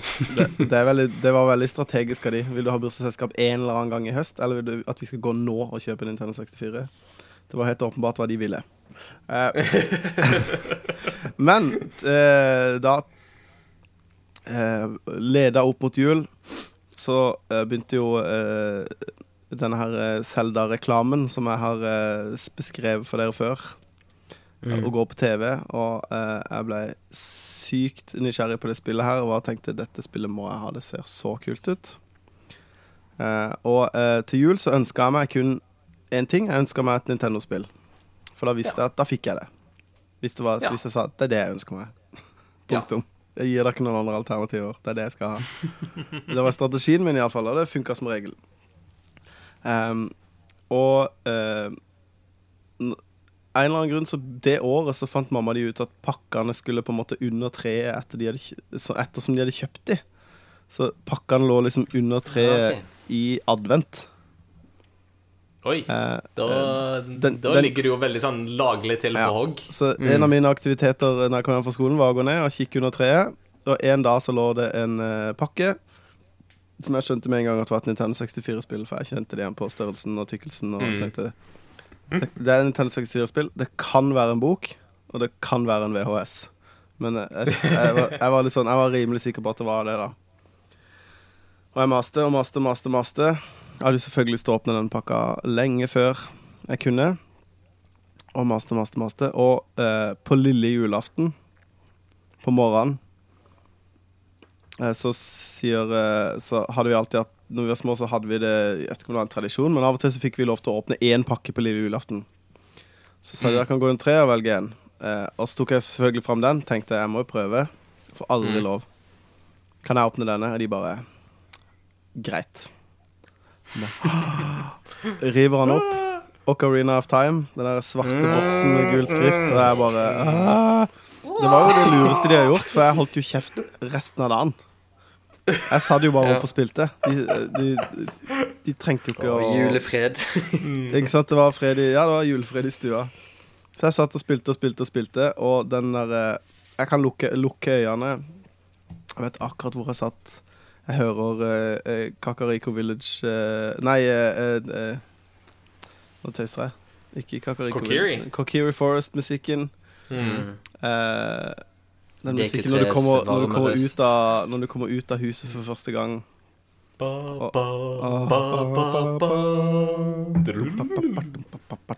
Ja. Eh, og det som er veldig morsomt, er at eh, vi skulle et eller annet sted den dagen. Så det var, jeg tror det var liksom hovedgrunnen. Det var, veldig, du var en sånn stressa da. Mm. for alle andre enn meg, da. Eh, Men, eh, men alle skulle liksom Alle må dusje og ditt og natten. Så, hu, så alle i familien dusja. eh, utenom eh, før de klarte å rive meg fra spillet. Så huset, hele huset lukta Head and Shoulders-sjampo. Så hver gang jeg lukter Head and Shoulders-sjampo, så er jeg rett tilbake på gulvet i loftstua og spiller Selda. For en kongereferanse. Det er Får sånn- den ofte, da? Noen ganger når jeg i, i eh, Noen ganger når jeg er i butikken, så kjøper jeg Head and Shoulders bare fordi jeg har lyst på nostalgi hver gang jeg dusjer. Yes. Du går bort, åpner, bare sniffer Ja, men jeg, jo, jeg, jeg, det kan jeg godt gå og gjøre på butikken og bare mm, Give me some Zelda. Mm. Så du bare går bort der, og så bare åpner du en Head Shoulders-flaske, og så bare Og så begynner du da, da, da, da, da. Rundt og kutte gress og kaste steiner og sånn. Det er jo bare helt fantastisk trigger Altså, det, å ha, mitt egentlig. eh, Det tror jeg er mitt aller sterkeste Det er et av de aller sterkeste spillminnene jeg har generelt, da. Og så Mm, er det liksom det- Det er jul, jul og spill på en gang. Og Selda. Det, ja, det er liksom Mm. Det er en grunn til at jeg elsker Selda, og det er Ja. det. At Ja, jeg fikk den det jo beste starten. fantastisk. Mm. Må jo ha vært 98 det, da, hvis det var liksom da reklamen gikk og sånt òg. Så Det er jo 20 år siden spillet kom ut. Så det hadde jo Ja, det er ikke 20 år siden det kom ut just, i Japan. Ja, men det kom ut i desember her i Norge. Ja, så- men da var det, da var det 98, da. Ja. Eh, November i Japan, også, 20. november i Japan, og så var det vel sånn 11. desember eller noe sånt i Norge, tror jeg. Så. Ja. Mm. Er så kult. Det, Cool. Altså, for, for å bare på en måte stjele ballen litt, så må jeg jo si at jeg òg har et sånt Jeg har et sånt Zelda-minne jeg òg knytta altså til Ocarina of Time og jul sjøl. Uh, nå er jeg faktisk ikke sikker på om jeg fikk Ocarina of Time i julegave. Det, det vet jeg ikke. Men jeg husker at det var spesifikt en jul. Da hadde jeg nok begynt på en sånn ny gjennomgang på, på Ocarina of Time, sånn omtrentlig da. Og at det, på julaftendagen, mens det liksom ble styrt og stelt i huset, og sånn, så var vi på en måte noen av Det var det meg iallfall, og så tror jeg det var noen av mine søsken òg, kanskje, som på en måte satt nede i peisestua, og så mm, var det Ocarina of Time det gikk i. liksom, Og jeg husker ennå at det var Water Temple spesifikt vi spilte akkurat, akkurat da. Så jeg har en sånn tilknytning der med Water Temple i Ocarina of Time og, eh, og dette med jul, som er veldig sånn akkurat der, da. Men jeg husker, jeg husker en annen, eh, en annen julaften, så husker jeg sånn spesifikt at da eh, Da spilte vi Mario Kart 64, mm. som jeg og mine søsken, eh, etter at vi hadde kommet fra julegudstjeneste i kirka. Og, og det som var litt sånn greia da, var at eh, han, han, han presten som, hadde, mm, som, som var da, han hadde en litt sånn merkelig ting Jeg vet ikke om det var bevisst noe han gjorde for å liksom prøve å tekkes uh, Altså for å liksom få, få, få litt mer kontakt med barna og sånt, men at han hadde en tendens til å si 'blidde' istedenfor 'ble'. Altså at han liksom altså, 'Jesus blidde født for 2000 år siden'. Eh, og det sånn det, Vi syntes jo det var fryktelig merkelig. Eh, og da husker jeg at det var en av mine søsken som skal få lov å forbli anonym i denne anledningen. Eh, så når vi da spilte Mario Kart 64, og så hver gang det ble kasta lyn, så var det sånn 'Å nei, jeg er blitt liten!' okay. Så det er sånn good times with, uh, with video games, rett og slett. Kristian, Christian, hva med deg? Ja, altså Jeg har, eh, har lyst til å fortelle en, eh, en ganske alvorlig historie. Oi, en oi, oi. eh, julefortelling uh, som ingen av dere veit om ennå. Jeg tror ikke jeg har sagt skjedde i de dager. heller. ja. Eh, jeg tror ikke jeg har fortalt det til deg heller, Mats Jakob. Men det her spent. var vel uh, Det her er barneskole. Litt sånn sein barneskole. Jeg tror det er sånn sjette Jeg tror det er sjette klasse. Ehm, eh, GameCube var kommet ut. PlayStation 2 var kommet ut. Uh, og jeg hadde liksom Det hadde vært ute noen år, for jeg hadde liksom i ganske mange jul allerede, og bursdager liksom Å, jeg ønsker meg GameCube. Eller PlayStation 2. En av dem. Og så Ja, vi kan få PlayStation 2, for da ønsker broren min seg òg. Og da får begge to. Vi kan liksom spleise på gaven, på en måte. Og så bare Jeg fikk aldri, sant. Fikk heller eh, klær og, og andre ting til bursdag. Og til jul så var det alltid eh, årskort i Furudalen, som er liksom på Kvamskogen, som er sånn skisenter. da. Mm, der har jeg vært. Ja, og det var ett år så var det kjekt, for da sto vi masse på ski, men de andre årene jeg fikk det, så var det, det var ikke liksom tingen, da. Eh, og så kommer julaften. Det her er, jeg tror det er i sjette klasse. Eh, da var jeg ca. tolv år. Og så eh, er det en eh, pakke. Vi har liksom begynt å åpne pakkene. Så er det en pakke under juletreet som er, som, som er litt stor, men ikke så veldig stor. Og den er hard og firkanta. Og så står det far, so good. ja, så står det 'Til Kristian' fra Jeg husker ikke, jeg husker ikke om det sto fra mamma og pappen eller bare familien. Og jeg bare Can it be? Can it be? Og så er det min tur til å velge pakke, øh, til å velge pakke da. Så jeg bare Ja, jeg har lyst til å, nå har jeg lyst til å åpne den. Så jeg bare OK. Og så begynner jeg å åpne, og så tenker jeg ok, det kan være GameCube, for den er jo ganske liten. Den har jeg jo sett hos andre folk. Så åpner jeg, så er det en boks, og så er det noe inni boksen der igjen, da. Så blir det litt sånn Ok, det her er er jo ikke noen noe Nintendo-logo på den boksen her. Nei. Og jeg kjenner jeg blir litt trist nå. og, så, og, så åpner, og så åpner jeg, og oppi boksen så eh, er det en sylinderforma ting okay. som jeg drar ut av boksen. Og så er det en hermetikkboks eh, hvor mamma og pappen har eh, festa papir på, sånn at de kunne skrive på den. Og så står det liksom Gamebox. Og så har de dratt en aprilspøk, liksom, på julaften. Nei, nei, nei, nei, nei. Med at jeg får en spillkonsoll. Og jeg bare for, Men de, de tenkte sikkert litt sånn der Ja, morsomt, han får jo noe fint av oss òg. Vi tuller litt. Men, eh, men jeg, jeg tror de fortsatt i dag eh, ser på det som en megaflause, for jeg ble helt knust. Jeg ble så vanvittig lei meg. Det er jo oppskriften på Ja, ja, ja. dyre psykologregninger 20 år fram i tid. ja, ja. Og så eh, Men det stopper ikke her, da. Stick with me, the story gets better. Og så prøver de liksom å, å le litt av det, da. så ser de liksom at jeg bare er helt sånn der Jeg er sikkert likebleik i trynet. Og bare er så lei meg. Eh, og så prøvde jeg liksom seinere i juleferien, så har vi sånne faste Så har vi sånne faste familieselskap. Sånn, eh, vi reiser til min mor sin familie på Voss fast liksom andre juledag. Så var vi liksom på besøk hos disse her, da, og så tenker jeg Mamma og pappen sikkert fortsatt bare Ja, men det var jo artig, da. Det var jo litt morsomt. Og så sier de liksom på nytt da, liksom, Eller de forteller liksom til de andre i, i det familieselskapet at at eh, ja, Kristian fikk seg jo konsoll, he-he-he. Og så ser de på nytt da at jeg bare fortsatt ikke syns det er morsomt. Jeg bare blir kjempelei meg. Og i bilen på vei hjem fra Voss, tar en sånn halvannen time å kjøre, så sier mamma og pappa bare OK, eh, vi har dummet oss ut. Sorry. Unnskyld. Og jeg bare Nei, det går fint, det. Eh, og så spol ett år fram i tid. Null forhåpninger på julaften. Har Nei, fått et, på eh, har fått et årskort. Sitter og trøstespiser godteri i hjørnet. Et år seinere. Chugger julebrus. Did you become fat this year, how was it? Ja, og så eh, er det en pakke som det står til, til ungene for mamma og pappa. Og så har jeg null forhåpninger. Så går broderen bort, åpner, og så er det PlayStation 2. Da. Så da er det jo mamma og pappen sin måte å bare OK, we messed up. Sorry. sorry. Men eh, fortsatt den dag eh, Nå nå når jeg forteller det sånn ordentlig, så kan jeg kjenne at det blir litt, sånn, litt trist. Ja, men altså, jeg blir kjempetrist når jeg sitter og hører på dette her. Ja, sånn som når du, du Matsako, forteller liksom at Ja, nei, jeg fikk jo Nintendo 64 til bursdagen.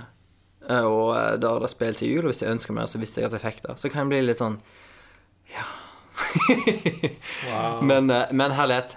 Jeg har hatt en eh, ellers en eh, fantastisk oppvekst og kjempefine foreldre, og de digger at jeg liker gaming. Men ja. jeg tror ikke de skjønte hvor godt jeg likte det, og hvor masse, eller hvor opptatt jeg var da, på den tida.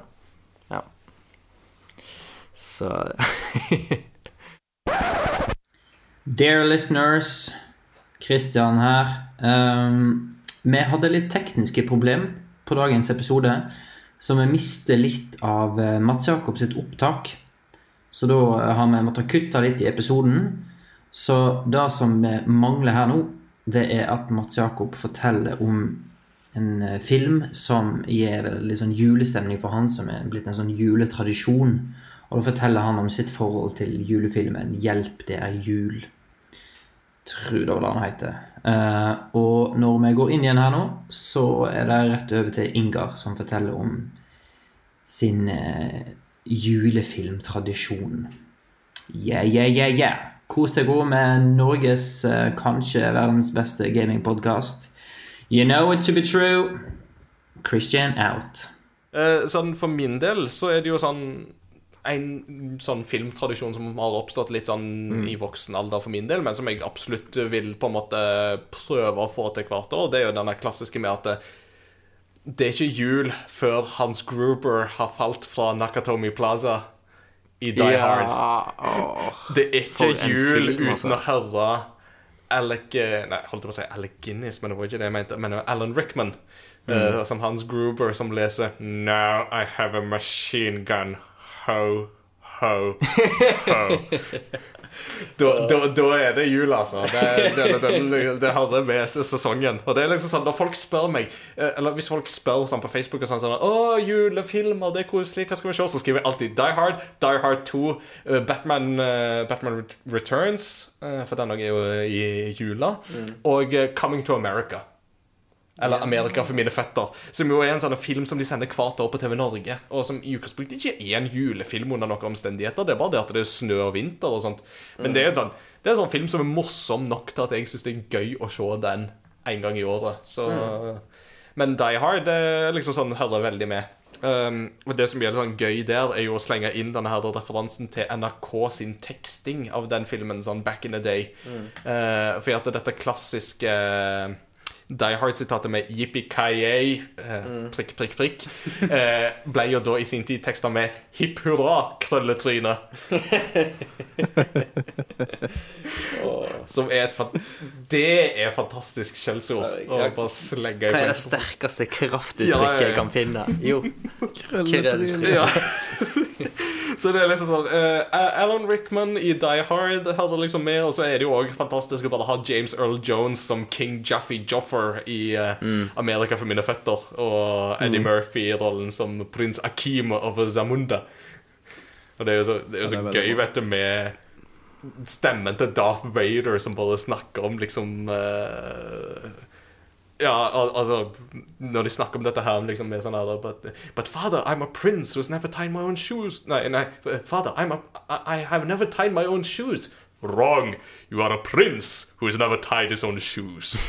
Believe me, I once tried tying my own shoes. It was an overrated experience. Ja, det er nesten sånn som man hører liksom. Og det som er også litt så gøy der, er jo det at James Earl Jones har jo faktisk en Darth Vader-referanse i Coming to America. Oh. der det er at eh, prins Hakim har liksom Altså når de kom Altså når um, kongen og disse andre òg kommer til Amerika for å hente prinsen tilbake, så har liksom prinsen stokket ut uh, på kvelden. Eh, og så så spør de liksom shall, shall, we look for him, my lord? Og så sier da kongen No, leave him to me. I must deal with him myself. Og det er jo da en sånn referanse til Ja. Darth Vader i Return of the Jedi, der han sier Altså når eh, de skal fly ned til Endor, så, spør de jo Shall I hold? Og så sier han No, leave it to me. I will deal with them myself. konge. Så det er en sånn fin liten referanse der. Mens vi er på julefilmkjøret eh, det er, Her er jo en relativt ny tradisjon, da. Ja. Men uh, etter jeg uh, gifta meg, så uh, Og de julaftene vi har hatt eh, på Sørlandet, så har eh, The Holiday ofte vært en sånn eh, Ikke nødvendigvis på ju- julaften, men Eller ikke på julaften, men i juleferien. Ja. Og det, det er en koselig film, altså. Fortsatt ikke jo- sett den, men jeg har ikke den på en sånn skal aldri Nei. se den-liste. Det er litt sånn eh, jul i England. Ja. Så det er en Altså- veldig fin film. Altså, Jack Black spiller i den, så jeg er positiv. Det er liksom sånn, Da, da kan jeg se den. Og en ung humlesnurr eh, spiller igjen. Eh, Tenk på det du sa i stad med dårlig oversettelse. Jeg tror min yndlingsdårlige oversettelse Det er fra eh, Jeg husker ikke hvilken film det er, men det er en science fiction-film. Eh, hvor de sier eh, Oh no, they're pulling us in with their tractor beam. Eh, og, så, og så ble det oversatt til Å nei, de drar oss inn med traktorvinsjen. Det kunne jo fort vært Star Wars, det, da, tenker jeg. At det er A New Hope. Det, den liker jeg. Det kan jo faktisk være. Og det, men speaking of sanne ting, da Nå begynner vi jo veldig å distra, Ja, Altså gå, gå, gå på kjøret. Altså, nå begynner vi å gå veldig sånn uh, vekk. Men um, um, Star Wars episode 2 har jo en sånn veldig fin en med um, Palpatine og Anakin som uh, snakker sammen, og Palpatine liksom snakker uh, til liksom Anakin om at du kan liksom bli vel, veldig, veldig sterk, og sånt, og så sier han And then you will be invincible. Som da blir teksta med Og da vil du bli usynlig. Men jeg tror du skulle si noe helt annet for at oh, ja. Star Wars og jul Det har jeg hørt om den berykta juleepisoden til Ja, Star Wars. jo, jo, jo, men her, her må jeg Ja, men her må jeg bare komme med en presisering, for jeg har jo sett The Holiday Special. Jeg har ikke sett den. Den ligger på YouTube. Hvis Ja. du vil pine deg sjøl, så skal du absolutt se den. Eh, men det er ikke jul de feirer, egentlig. For at den Holiday Special Den, er da, den ble laga i forbindelse med Thanksgiving. Eh, og det er basically det de da feirer i den Star Wars Holiday Special. Det er Thanksgiving, eller Life Day, som det jo da heter. I den konteksten der For det er jo egentlig en sånn anledning der wookiene kommer sammen for å liksom være takknemlige for ting. Eh, så, men vi tenker veldig ofte at The Holiday Special er jul fordi at wookiene ikler seg røde kapper og sånne ting. Ja. Mm. og så når vi liksom hører Holiday, så har vi veldig fort gjort for å tenke, tenke at det er jul, men det er Det jo var da vel rundt Thanksgiving. jul han, han kom, og kanskje Det var Thanksgiving i 79, tror jeg det var Ja, okay. da. 78 Ja. eller 79 eh, at den kom ut. Og det er jo fortsatt noe av det verste som noensinne har kommet Altså, det det er ikke bare noe, det er det verste som har kommet ut av Star Wars-lisensen. Eh, Ja. Ja. Star Wars Holiday Special er jo den tingen som har fått meg til å synes at Jar Jar Binks er helt OK. Hvis du, Ja, det er ganske grusomt. hvis du aldri har sett noe Star Wars og lurer på om du skal hvordan du skal komme deg inn i Star Wars-universet, ikke begynn med Men, men en liten kul ting der er jo det Mm. at uh, den har jo en liten sånn animert kort video der Luke og han og Chewie de møter på Bobafett for første gang. Så rent Ja. kanonisk så er jo The Holiday Special første gang Bobafett dukker opp. Eh, Men det som er gøy, er at Bobafett har der et våpen som ser ut som en sånn kombinasjon av, en, av et gevær og en høygaffel, nesten, mer eller mindre. Og det våpenet har vi sett skal dukke opp igjen i TV-serien The Mandalorian, som kommer på Disney sin strømmetjeneste, som jo er en sånn spilleserie. Eh, ikke med Boba Fett i hovedrollen, men med en annen Mandalorian, altså en annen av den samme rasen, i hovedrollen. Og han har et sånt våpen som ser da eksakt likt ut som det våpenet Boba Fett bruker i den eh, Holiday Special-animasjonsserien. Så det er litt sånn funny. Cool. Um, For å pense litt tilbake til jul, da, så vil jeg jo som- For min del så har ikke jeg så veldig mange sånn juletradisjoner sånn utover det med Die Hard, nevnte jeg jo, og sånt. Men um, altså så, Som kid så feirte vi jo jul i Japan, ikke sant? og da mm. også flytta vi til Norge. Og det er klart at det er litt sånn nye tradisjoner sånn som etableres, og, og litt sånne ting. Så, eh, så Men altså, en av, de, en av de få tingene som jeg på en måte har, føler har vært konsekvent der, eller eh, som liksom har vært der hele tida, det er liksom lukta av julemat. Den er på en måte absolutt en sånn sak der, da. Eh, Ok, Men hva spiser dere på julaften? Nei, det er pinnekjøtt det går i. Og i Japan så drev vi på altså, så, så, så ble han jo røykt og sånt sjøl, og så hang han liksom til tørke Ja. en måned i gangen. Så det er litt derfor jeg forbinder den lukta okay. som sånn sagt, da. Ja, pinnekjøtt her òg. Dedikasjon Hvordan er det hos deg, Ja, vi, hvis- Mats Jakob? Nei, vi, eh, vi spiser pinnekjøtt. Mm. Eh, men det er fordi at eh, begge mine foreldre er fra Kristiansand, men begge de sine Altså mine fire, tre av fire besteforeldre var fra Vestlandet. Ja, Ja. Da er det jo en given, tenker jeg. Ja, og masse inngifta vestlendinger, så det, Mm. det har liksom vært pinnekjøtt. Min, min far er fremdeles på det at han, han vil helst ha torsk, Ja, som er liksom Ja. Kristiansand-greia, da. ja. Ja. men den, kan Men, jeg, eh, den kunne jeg ha vært enig i, altså. Men jeg er jo veldig glad i fisk, Ja. så det er jo noe så. Ja, men jeg, jeg, jeg, kunne, jeg kunne det òg, men nå har jeg på en måte Jeg spiser pinnekjøtt én gang i året, og det er på julaften, og det er helt med vilje. Mm. Og da er det litt sånn Jeg vil ikke bytte ut det. Nei, jeg skjønner det. Jeg forbinder det med julaften. Det er liksom Enig. Det er veldig godt. men jeg har én sånn eh, tradisjonsting da likevel som er litt sånn viktig for meg å få med. Altså Det er jo de klassiske juletingene. Sånn være med familie, uh, gå til julegudstjeneste uh, liksom, De sånne tingene. Det, det er det liksom litt sånn viktig for meg. Så det er noe sånn greit nok Men det er én sånn særting som jeg alltid ønsker å få med meg på julaften. Og det er ikke Tre nøtter til Askepott, men det er Disney-kavalkaden. Hvilket Ja, også derfor ja, ja, jo da var jo grunnen til at vi måtte jo innlede episoden med eh, Jerry Cricket sin, sin sang. Ikke sant? For at det er jo Det er liksom sånn Når, du hører, når jeg hører den, så er det liksom Mm. Og det å få akkurat de samme Disney-kortfilmene oh, en gang i året er fint, altså. Det er liksom sånn, For meg så er det ikke jul før den gale papegøyen har liksom sprunget rundt og sunget Og den snøballkrigen mellom Donald Duck og Ole Doldoff. Ja, den er så bra. Oh, nei, det, det er sånn Julestemning, altså.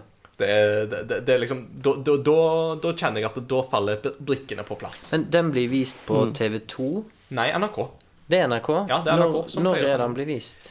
Det er ikke på sånn- julaften, tror jeg. Jo, på julaften. Og det er litt sånn Musikken? midt på dagen ish, tror jeg. Ja. Jeg tror de sender tre nøtter jeg tror de sender tre nøtter til Askepott før de sender Disney-kavalkaden. Men uh, ikke skyt meg hvis jeg tar feil. Jeg bommer både på TV-kanal og dag. Ja. Men riktig holiday, Ja, ja. i hvert fall. Men eh, jeg er jo litt sånn Grevinne og hovmesteren er jo Den må man få med seg. Ja da. Det er, Ja. Det, det, noen ting er liksom sånn Eh, Skaper god stemning. Ja. Men er noen av dere eh, ganske sånn iherdig på at Askepott må sjås? Nei. Jeg har aldri sett den i sin helhet. Det er sånn, Jeg fikser ikke det der eh, dub-opplegget. Det er liksom morsomt i fem minutter, så blir det bare slitsomt. Ja. Men, Men på det jeg, skal, hørte, jeg hørte et rykte om den dubbinga der. Ja, At det at, Jeg vet ikke om det er sant, men jeg hørte et rykte om at grunnen til at det er én fyr, er fordi at eh, han bare leste gjennom manus. Men det, Og, og, og så tok de det opp, og så bare brukte de det. ja, men det er helt derfor stemmene er så teite òg. Ja. Han bare Askepott! Askepott, leksene, historietimen. Tror, tror du det satt en i studio bare mens han leser og bare Guys, guys, keep it. This This guy is epic. This, Ja, this det er is liksom, gold. det, det er liksom det er Dubbing av Tre nøtter til Askepott og gitarsoloen på Beat It. Liksom. Det er de to tingene som er sånn. Bare ta opp. Ja, altså, This is gold, Jerry. This is comedy gold. og det minner meg på en siste ting som jeg må få lov å fortelle. Ja, ja. Så jeg skal, Nå må jeg holde på en stund, så jeg skal holde det helt kort. Men det er en liten ting som jeg håper at Christian får kjørt inn en liten lydfil på i redigeringa her. Men det er lille julaften så prøver jeg alltid å sette meg ned og se Seinfeld-episoden om Festivus. Ja. Uh, Festivus er jo da en tradisjon som far til George i Seinfeld har etablert i sin tid som barn. Uh, jo historien går noe sånt som sånn der Many Christmases ago I went to buy a dolly for my son. Uh, and I had to fight another man for the dolly. Well, what happened to it? The dolly was destroyed. But from that fight, a new holiday was born. A Festivus for the rest of us. Og for Frank Costanza så er dette her da en sånn eh, det er en slags antitradisjon, eller det er en antihøytid på mange måter. For det er jo sånn Far, far til George er liksom Ja, altså du, du, du, forstår hvorfor George er så ødelagt som han er, når du ser foreldrene hans i den serien. Eh, og da er jo liksom Poenget med Festivus er jo da at da, de markerer det med at de tar inn en aluminiumspåle i stua. Altså i praksis en lyktestolpe. Og så skal de da samle alle liksom, de, de er glad i, og sånn, venner, kolleger og sånne ting. Og så skal de ha the airing of grievances. Som da er basically at du skal fortelle hvordan alle rundt bordet har skuffa deg i løpet av året som har gått. og altså, det, så det er jo sånn På slutten av episoden når de feirer festival, så sier jo da We've now come to the airing of grievances. I have a lot of problems with you people, and now you're gonna hear it. Og så har de da Til slutt så er det jo da The Feet of Strength, som da er basically at da er det Da må far og sønn Costanza De må ta av seg på overkroppen, og så skal de bryte. Nydelig. Og så er det da sånn at det helt hverdagslige ting blir beskrevet som a festivus miracle. Så det er sånn Det er en veldig sånn bisarr greie, eh, men det er rett og slett en fantastisk Seinfeld-episode som eh, bare er liksom veldig, veldig bra.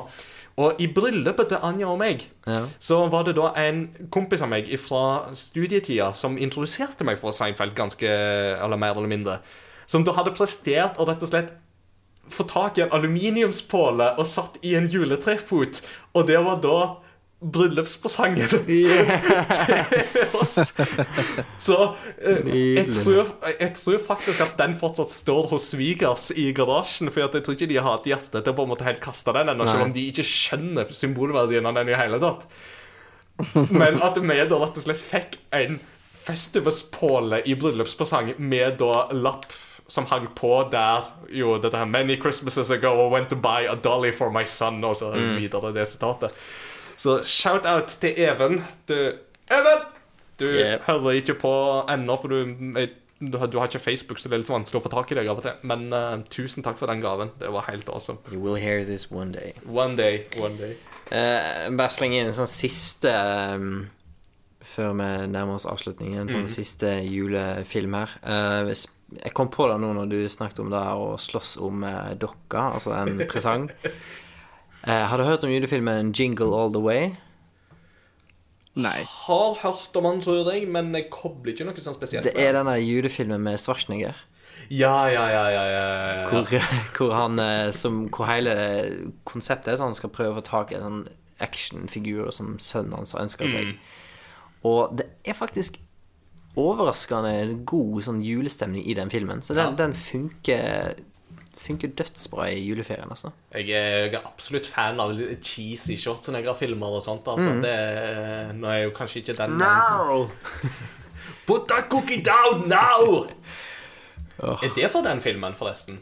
Put the cookie down, put the cookie down now. Der han står og kjefter på en fyr i en sånn pay, payphone. Ja, det kan godt være. Ja. Det er i hvert fall en scene her hvor han er på en sånn eh, en, en fabrikk som lager juleklær, og der er det en haug med julenisser, og så slåss han med julenissene for å liksom få tak i en dokko, da. Så ser jeg et bilde her nå, da holder han en sånn her eh, Hva det heter med disse her ja.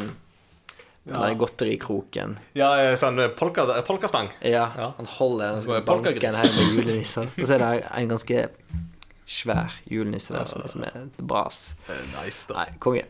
Så det er litt sånn eh, rart da Det ble jo ikke så veldig mange sånn eh, spill vi ble endte opp med å snakke om, men vi hadde jo disse her spillminnene, da. Det, mm. sånn Aldri, det aldri glem Gamebox. Aldri. never, never forget. Det må du ha med i The Airing of Grievances når du samler Ja, familien ja. til Festivus på lille julaften. Ja. Det, det syns jeg absolutt at du skal gjøre. Du skal samle dem, og så skal du si til dem at I got a lot of problems with you people. Nei, jeg, eh, jeg lar de få høre den i ny og ne, altså. Ja, det er fint. Men eh, ja, da. Å, det er vondt. Hvis, jeg, hvis jeg har lyst på noe, eller trenger noe for mor og far, så bare Du, husker det den gangen? Bare tenk på alle Altså, kjøp dette til meg nå, og bare tenk på alle de pengene dere sparer i psykologregninger. ja. Du burde, du burde bare lage en ny sånn en til de. Og så ja, skrive, ja. Spør, skrive Istedenfor å skrive Gamebox, kan du skrive Barnebarn. Jeg tenkte heller på Pacebox.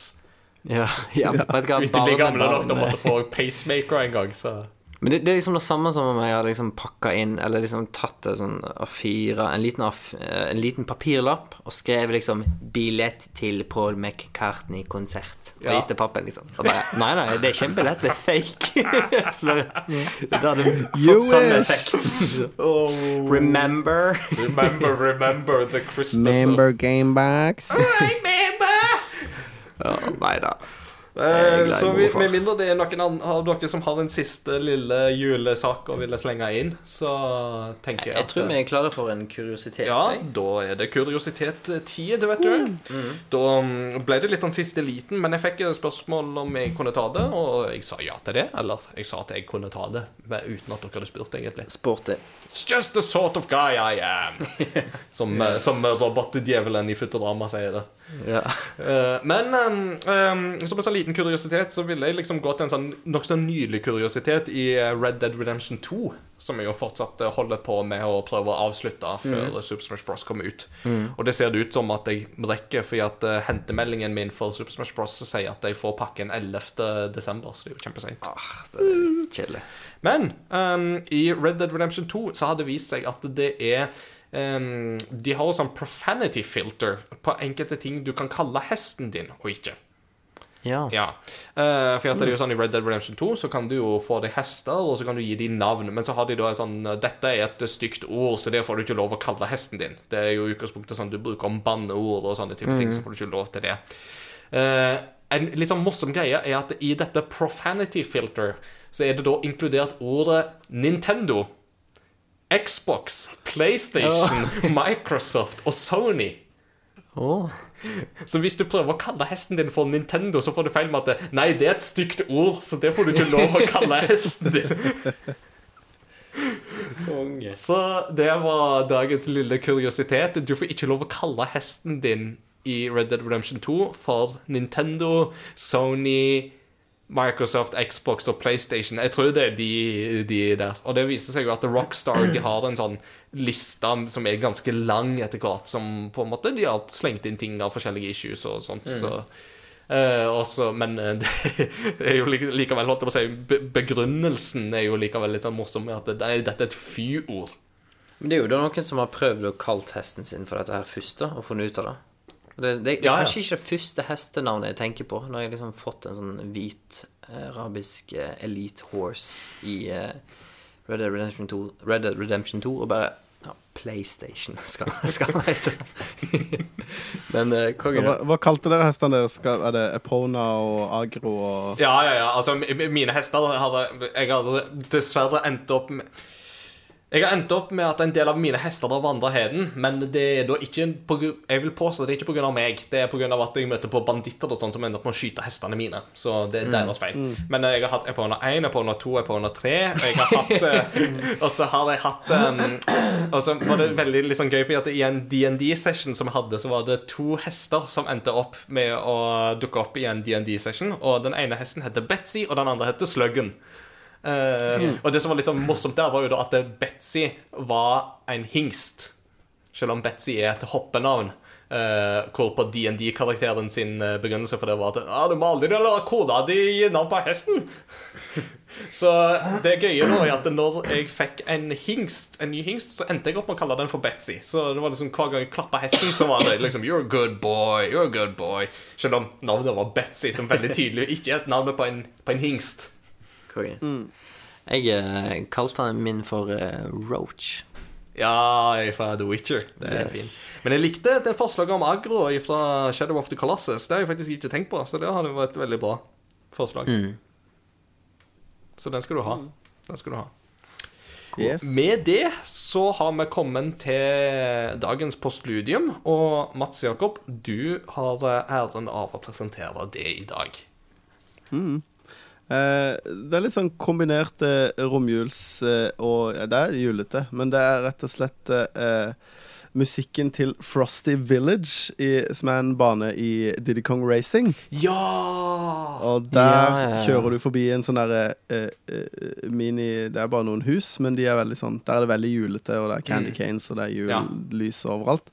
Men eh, var, vi hadde en tradisjon med og en kompisgjeng at vi dro på til nyttår så dro vi på hytta til en kompis langt oppe på fjellet med nesten ikke innlagt strøm og, og utedo og full pakke. Mm. Eh, og da, eh, på den tida så spilte jeg veldig mye Nintendo 64-emulator på dataen med Ja. tastaturet. Og da eh, runda jeg Diddy Kong Racing eh, på den turen. eh, eh, på tastatur. Jeg runda ikke. Jeg klar... Eh, altså Klarte du sist? som har spilt Ja, første gang. Men eh, for de som har spilt Diddy Kong Racing, så vet du at hvis du, du først klarer alle verdenene og så, når du har klart alle verdenene, så, tar du, så kjører du mot Whizpig. Mm. Og når du klarer Whizpig, så sier han at du må gjøre noen greier en gang til for å komme til en ny eh, enda en femte verden. Men da tror jeg ikke det er så er- mange som veit det, egentlig. Da visste ikke jeg før for sånn spoiler! to år siden. Eh, nei, men fordi at det er så utrolig vanskelig. Ja, det, det Så, så jeg klarte Whizpig første gang, og så orka jeg ikke begynne på de der eh, nye challengene og sånn.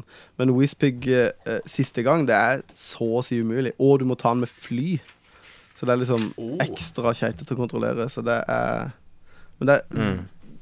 Veldig gøy hvis du ikke har tenkt, gidder. Bare sjekk det ut på YouTube, noen som spiller det. For det er, det er imponerende å se på de som klarer det. Altså. Det er presisjonskjøring. Ja. Sjekk ut uh, Level Up uh, norsk. Uh, Level Up sin sånn klassikerinnslag om Diddy Kong Racing. ja. Da går de veldig sånn i dybden på akkurat det der. Det- Og at han vokser opp hele barndommen med aldri klare å ta Whispig, og visste aldri om en ny verden etterpå, da. Det er helt sjukt. Mm, jeg tror det var mange som hadde det sånn. Jeg visste ikke om det heller før i voksen alder. Eh, I forhold til den eh, sangen som du har valgt, da, eller, det er jo en del av de der vinterbanene i uh, Diddy Kong Racing, så er det jo litt sånn gøy, for at en del av musikken der er jo bygd opp rundt faktiske julesanger.